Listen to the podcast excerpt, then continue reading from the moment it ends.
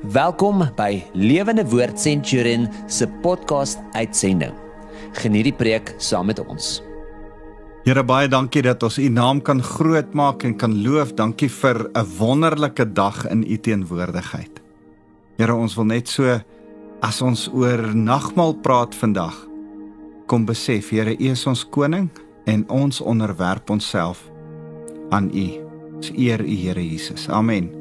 Nou ja, soos ek nou reeds gesê het, ek wil vandag met julle gesels oor nagmaal. Wat 'n wonderlike ding om oor te gesels. My naam is Wouter van der Merwe en ek is van Lewende Woord Centurion en uh, ek besef dat ons um al so lekker saam gesels het oor 'n paar verskillende dinge en en as ons oor die nagmaal praat, is dit eintlik so kosbare deel van ons Christen uh opvoeding en Christen geskiedenis. Uh en en regdeur die skrif uh is is 'n maaltyd 'n uh, 'n ete belangrik. Is dit is interessant dat die die die uh, uh, geskiedenis begin met 'n ete, Adam en Eva wat iets geëet het wat hulle in sonde laat verval het en dan aan die einde van die tyd is daar herstel maaltyd waar die Here ons genooi het vir 'n maaltyd wat ons saam met hom gaan feesvier as sy bruilof uh, in sy bruilofsfees, nie as sy bruilofsgaste nie, maar as sy bruid. Ehm um, en en dit maak my opgewonde. So Ons uh, besef so 'n maaltyd is deel van alles wat vir die Here belangrik is. Daar's verskillende maaltye in die skrif. Ek dink vinnig aan die maaltyd wat Abraham met Melchisedek gehad het waar Melchisedek kom bedien het met nagmaal. Uh maaltye wat Ester met die koning gehad het. Ag en en en so kan ek aan aan 'n klomp dink. Uh Jakob wat vir sy pa Isak 'n maaltyd gemaak het en en en regdeur. Maar dink 'n bietjie aan hoe kosbaar maaltye vir jou is. Wanneer laas het jy saam met vriende gekuier? Saam met mense gekuier, saam met wie jy 'n maaltyd gedeel het? Net sommer ontspanne. Daar's iets ontspanne en rustig uh met 'n maaltyd wat jy net kan besef hoe wonderlik is dit dat jy jou uh letterlik net jouself kan wees en saam met iemand kan uh 'n bietjie kwesbaar wees in 'n maaltyd mag deel. Nou kom ek lees vir jou uh wat hier gebeur het nadat Jesus die maaltyd in Matteus 26 vers 26. Nou die Jode het 'n het 'n fees gehad, die Paasfees, aan die einde van die Paasfees in die hele tyd wat Jesus dan uh net voor sy kruisiging vir die disippels sê hy gaan gekruisig word, kondig hy in die Paasfees die nagmaal aan. Met een geloof se einde judaïsme uh se paasfees sê hy ek kondig nou 'n nuwe fees die nagmaalfees aan wat julle moet hou en dis Matteus 26 vers 26 tot 30. Ek gaan dit nie vandag vir julle lees nie. Ek wil hê jy moet dit self lees. Wat ek wel vir julle gaan lees is waar uh, uh, uh, Paulus die eerste keer daarvan melding maak en daaroor begin gesels en en dan begin ons agterkom hierdie Paasfees Handelinge 2 vers 46 ander plekke uh, het hierdie 'n uh, nagmaalfees geweldig uitgebrei en lyk dit asof dit 'n weeklikse instelling by die disippels was. Maar nou omdat hulle dit getrou begin doen het en daar geen regtig uh riglyne daarvoor was nie, uh, het daar 'n bietjie probleme begin insluip by die nagmaalfees. En nou skryf Paulus daaroor en in sy skrywe aan die gemeente van Korinte wat 'n bietjie droog gemaak het in die Paasfees vind ek en jy sekere goed waarna ons moet kyk oor Wat beteken nagmaal? Dis wat ek vandag met jou oor wil gesels. Wat's die simboliek van nagmaal? En hoe moet ons dan nagmaal hou? Daai twee vrae. So kom ek lees vir jou 1 Korintiërs 11 vers 17. Wanneer ek nou hierdie volgende saak ophaal, kan ek julle nie prys nie, want as julle as 'n gemeente bymekaar kom, doen dit meer kwaad as goed. Paulus het so 'n paar goed waaroor hy vies kon raak vir die gemeente van Korinte en hierdie was een van hulle. Hy vat hulle eintlik 'n bietjie vas. Hy raas met hulle. Hy sê vers 18: "Wat vir my voorop staan is dat ek verneem dat daar groepvorming onder julle is wanneer julle as 'n gemeente bymekaar kom. En in 'n mate glo ek dit. Ek glo hierdie stories wat tot my ore kom.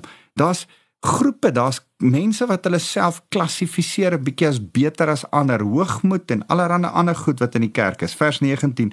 Sulke verdelings onder julle kan selfs nodig wees in die sin dat julle dit sal uh uh uh Uh, sulke verdelings onder julle kan selfs nodig wees in die sin dat dit sal uitwys wie die staatmakers onder julle is. As julle dan as gemeente bymekaar kom, is dit duidelik nie die Here se maaltyd wat julle eet nie. Nou nou interessant genoeg dat Paulus dit noem die eerste keer wat hy daarvan praat e-, eintlik in die vorige hoofstuk al as die Here se maaltyd. Die nagmaal word genoem die Here se maaltyd. In Engels the Lord's Supper. Ek hou nogal van die nagmaal wat genoem word die maaltyd van die Here. Hy sê vers 21 want by die gemeenskaplike maaltyd eet elkeen haastig sy eie ete met die gevolg dat die eet een honger bly en die ander een weer dronk word. Hoe is dit moontlik sê Paulus?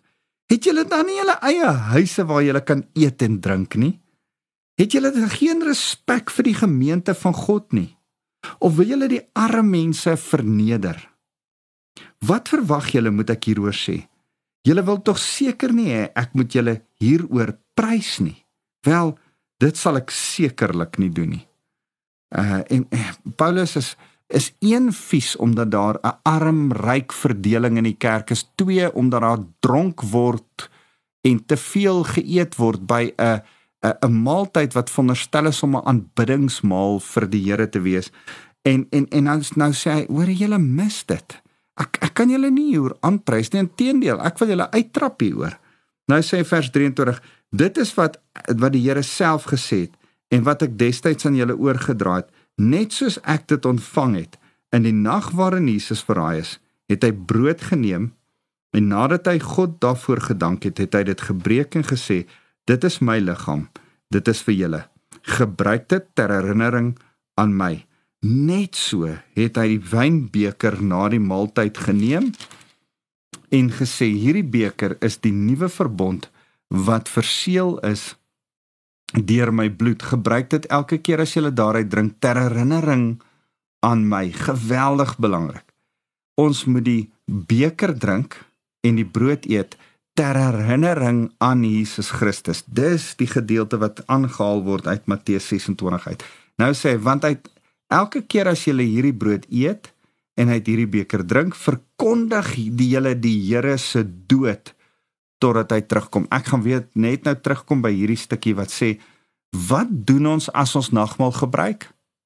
Ek en jy verkondig die Here se dood. Dis 'n snaakse ding om 'n stukkie brood en 'n klein bietjie wyn te te te eet. Is ons eintlik besig om te preek? Wat preek ons? Jesus Christus se dood.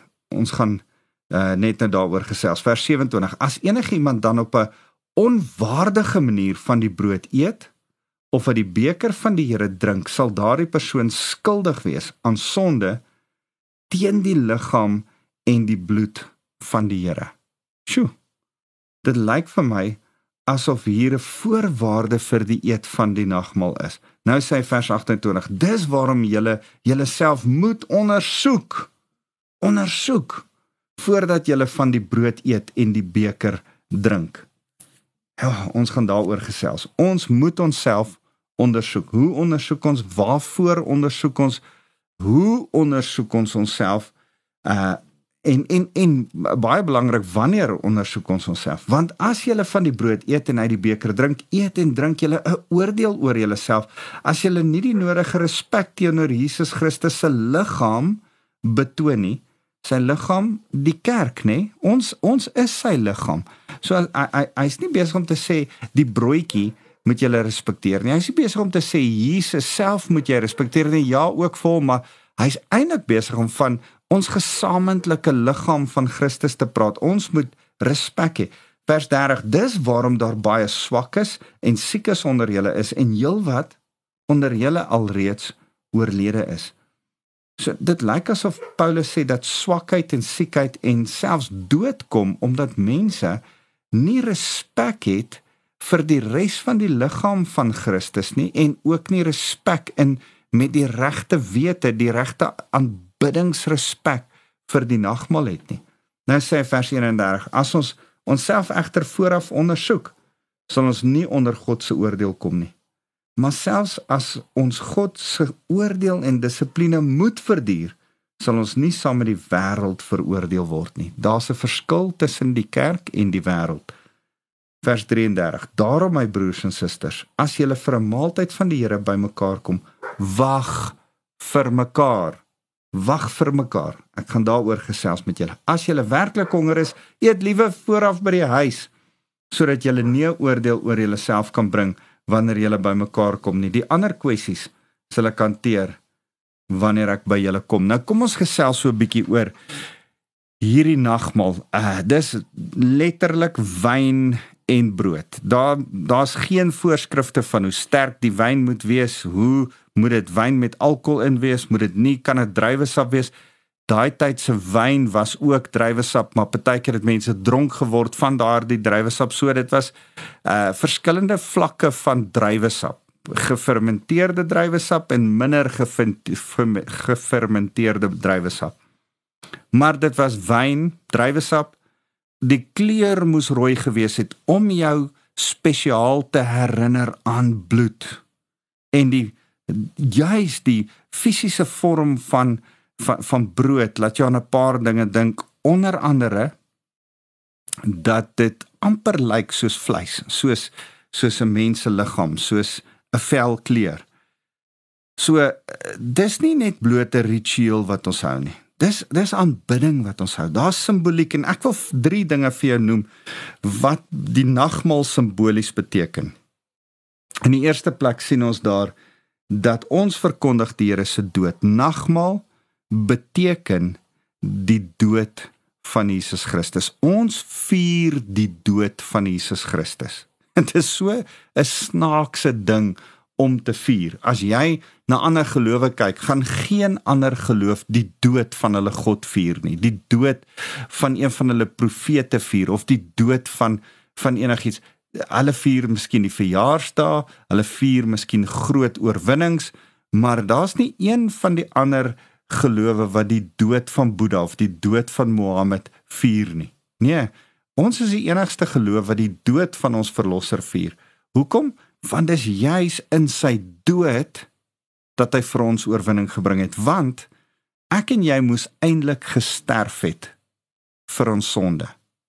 Ons wil versoen word met Vader God, maar omdat ons sonde het en hy perfek heilig is en ons onheilig is, kan ons nie net sy heiligheid, sy groot almagtige heiligheid met ons onheiligheid sal ons dood laat neerslaan as ons in sy teenwoordigheid kom. Want die loon van die sonde is die dood. Elkeen van ons verdien om dood te gaan. En prys die Here, dis wat ons vier. Iemand het in ons plek kom doodgaan. Dis Jesus. Hy het vir ons verlossing gebring. Hy het vir ons dood gegaan sodat ek en jy nie hoef dood te gaan nie en jy's nou in vrymoedigheid na die Vader toe kan gaan. So, een van die wonderlike goed van nagmaal is ons kom na die Vader toe. Dis 'n fees saam met die Here en daarom verkondig ons sy dood. Daarom sê ons met nagmaal: "Ja, Here, dankie dat U in ons plek gesterf het sodat ons met Vader God eintlik 'n 'n wonderlike verhouding kan hê. Met ander woorde, ons vier eintlik die die versoening tussen ons en Vader. Ons ons vier die oorwinning wat Jesus oor die dood behaal en en die oorwinning wat ek en jy nou in Jesus Christus oor die dood het. Ons vier hoop met ander woorde. So dit dit bring my by die tweede ding. Wat is die volgende simboliek? Die volgende simboliek uh, uh is so mooi. Uh, dis dis eintlik vir, my so 'n fantastiese ding. Blaai gou saam met my as jy kan na Exodus 24 vers 3. Daar's daar's 'n ander ete saam met die Here. Waar Jesus saam met sy disippels geëet het, gebeur iets wonderlik.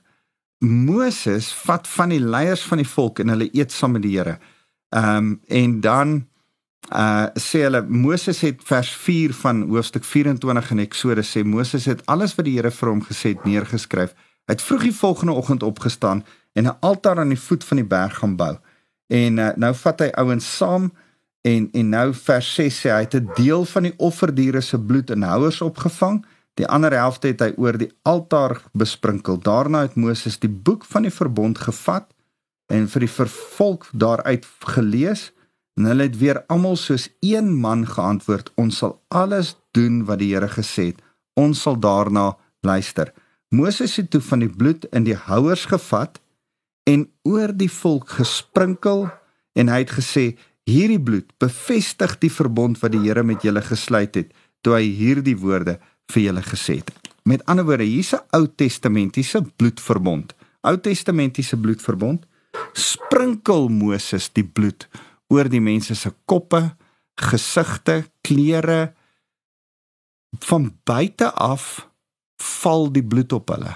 Nuwe Testamenties sê die Here: "Neem, drink. Hierdie is my bloed van die verbond.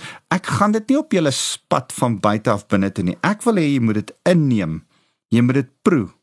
Dit moet jou liggaam kom stig, want die simboliek Nuwe Testamentiese simboliek van die van die nagmaal is anders as die Ou Testamentiese simboliek van die van die bloed. Waar die bloed op jou was is die bloed nou binne in jou. Jy drink dit en dis binne in jou. Want die simboliek is dat die Here jou van binne af buitentoe verander. Ou Testament was dit oor jou en op jou.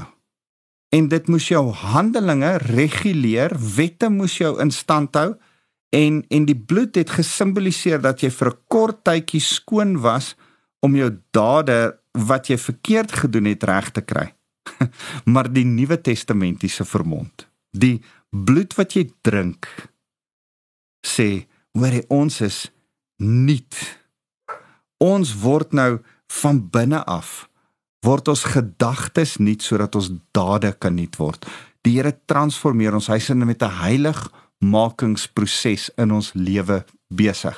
Ons word elke dag en meer en meer getransformeer om al hoe minder en minder te sondig om meer en meer soos Jesus Christus te lyk. Dis die simboliek van nagmaal.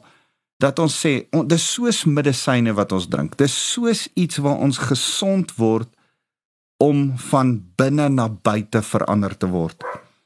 Hoe wonderlik is dit nie dat dit deel is van die simboliek van nagmaal. Die derde simboliese betekenis van nagmaal is natuurlik eenheid. Vers 17 van 1 Korintiërs 12 uh 1 Korintiërs 11 sê uh as hy hier uh, uh dit so mooi. Hy sê uh wanneer ek uh, wanneer julle bymekaar kom as 'n gemeente, moet julle die nagmaal gebruik en dan dan praat hy oor en oor hiervan. Dis 'n dis 'n bymekaar kom ete. Hy sê in vers 33 wag vir mekaar. Wag vir mekaar. Hierdie is 'n eenheidsete. Dis 'n ete waar ons eintlik sê, soos wat soos wat 'n klein stukkie koring, klomp klein koringkorreltjies gemaal word, saam gebak word met ander uh bestanddele om een groot brood te vorm en as dit klaar een brood is, 'n eenheid vorm, kan ek nie vir jou sê na dit hoor jy half vir my elke stukkie koringkorreltjie uit hierdie brood uit nie.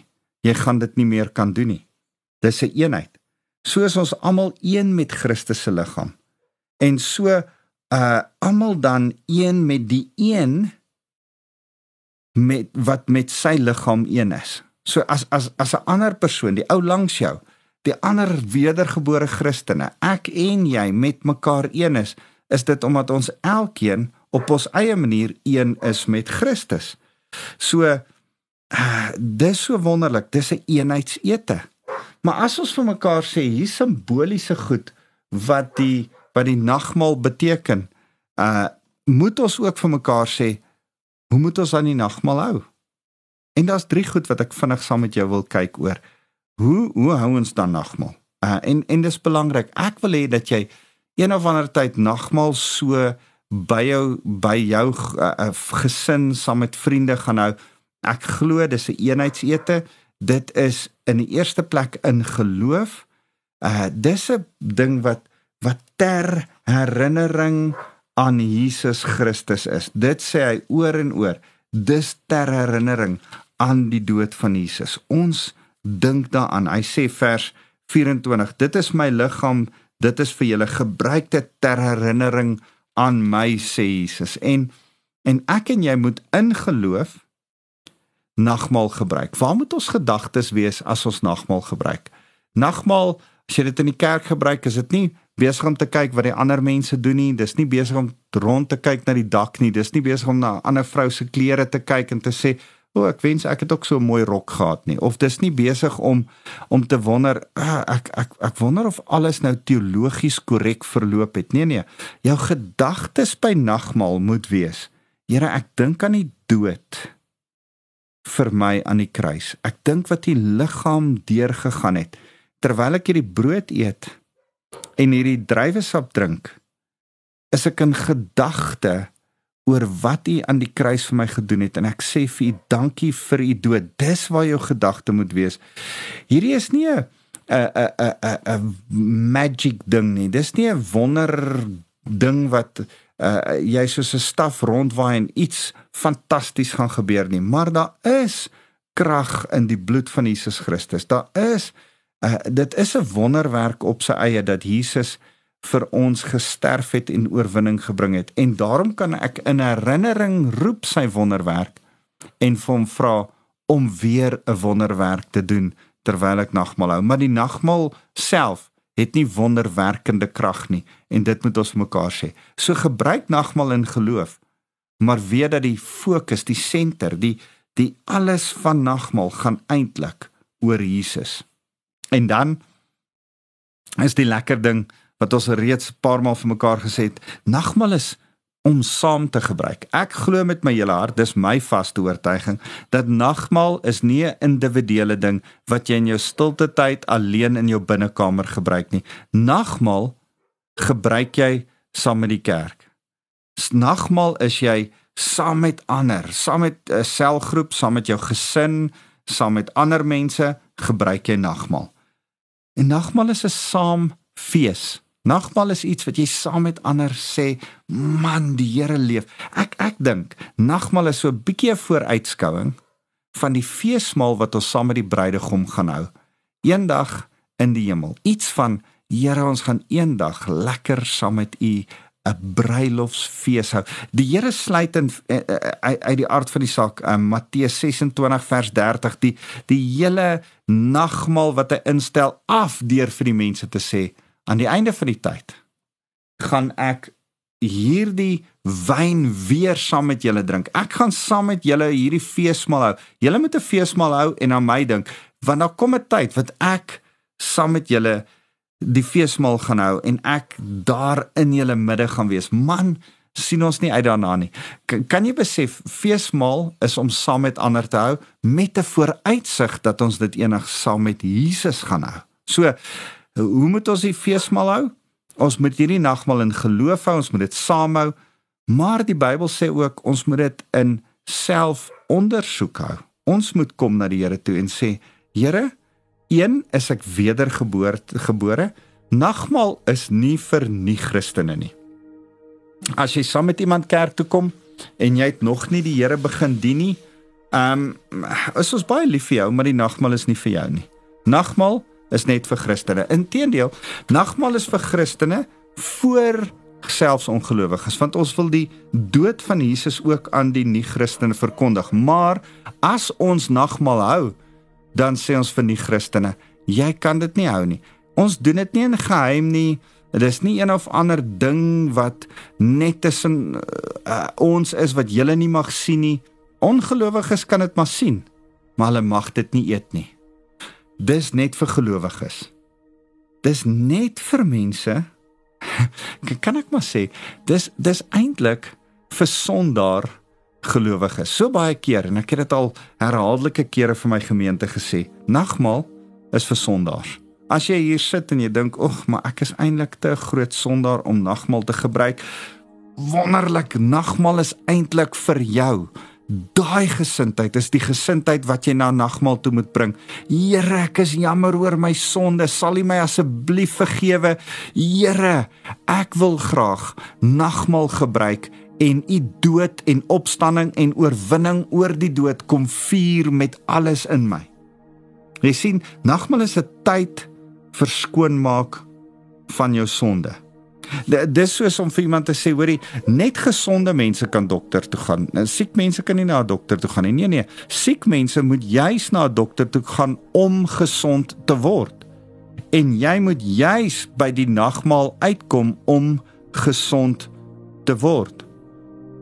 En uh ek wil vir jou sê, die Bybel sê hier in vers 29 dat jy het respek vir die liggaam van die Here, die kerk, as jy nagmaal reg gebruik. Anderstens sê die skrif hier, is daar iets van 'n siekte, swakheid, dood wat kan kom as ons nie hierdie respek, hierdie regte plek vir nagmaal selfondersoek verstaan en ek dink iets van dit het te doen met luister ek moet in vergifnis staan onder Jesus se bloed. Ek moet myself kan vergewe en ek moet ander ook kan vergewe vir, vir wat hulle gedoen het.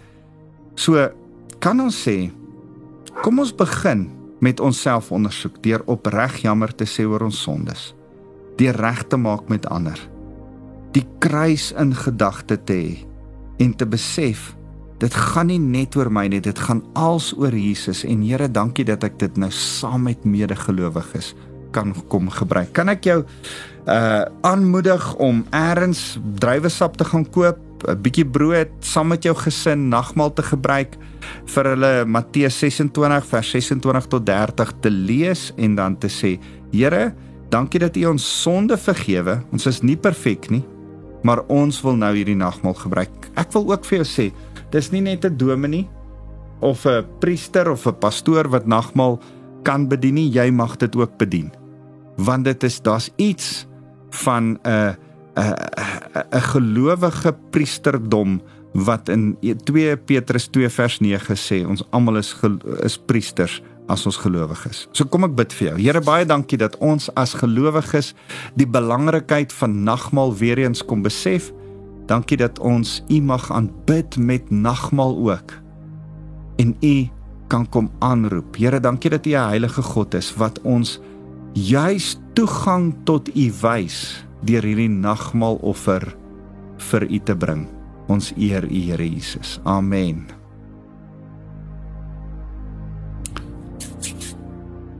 Kom ek sien julle. Here, ek wil uh, elkeen wat na na my luister nou kom seën met die liefde van God ons Vader. Here mag hierdie een eendragtige liefde van Jesus Christus in elkeen se harte brand sodat ons hom kan vier, sy dood, sy opstanding, sy oorwinning. En Here, daarom bid ek dat die Heilige Gees elkeen se deel mag wees en hulle u liefde ook deur die nagmaal aan ander kan gaan bewys. Amen.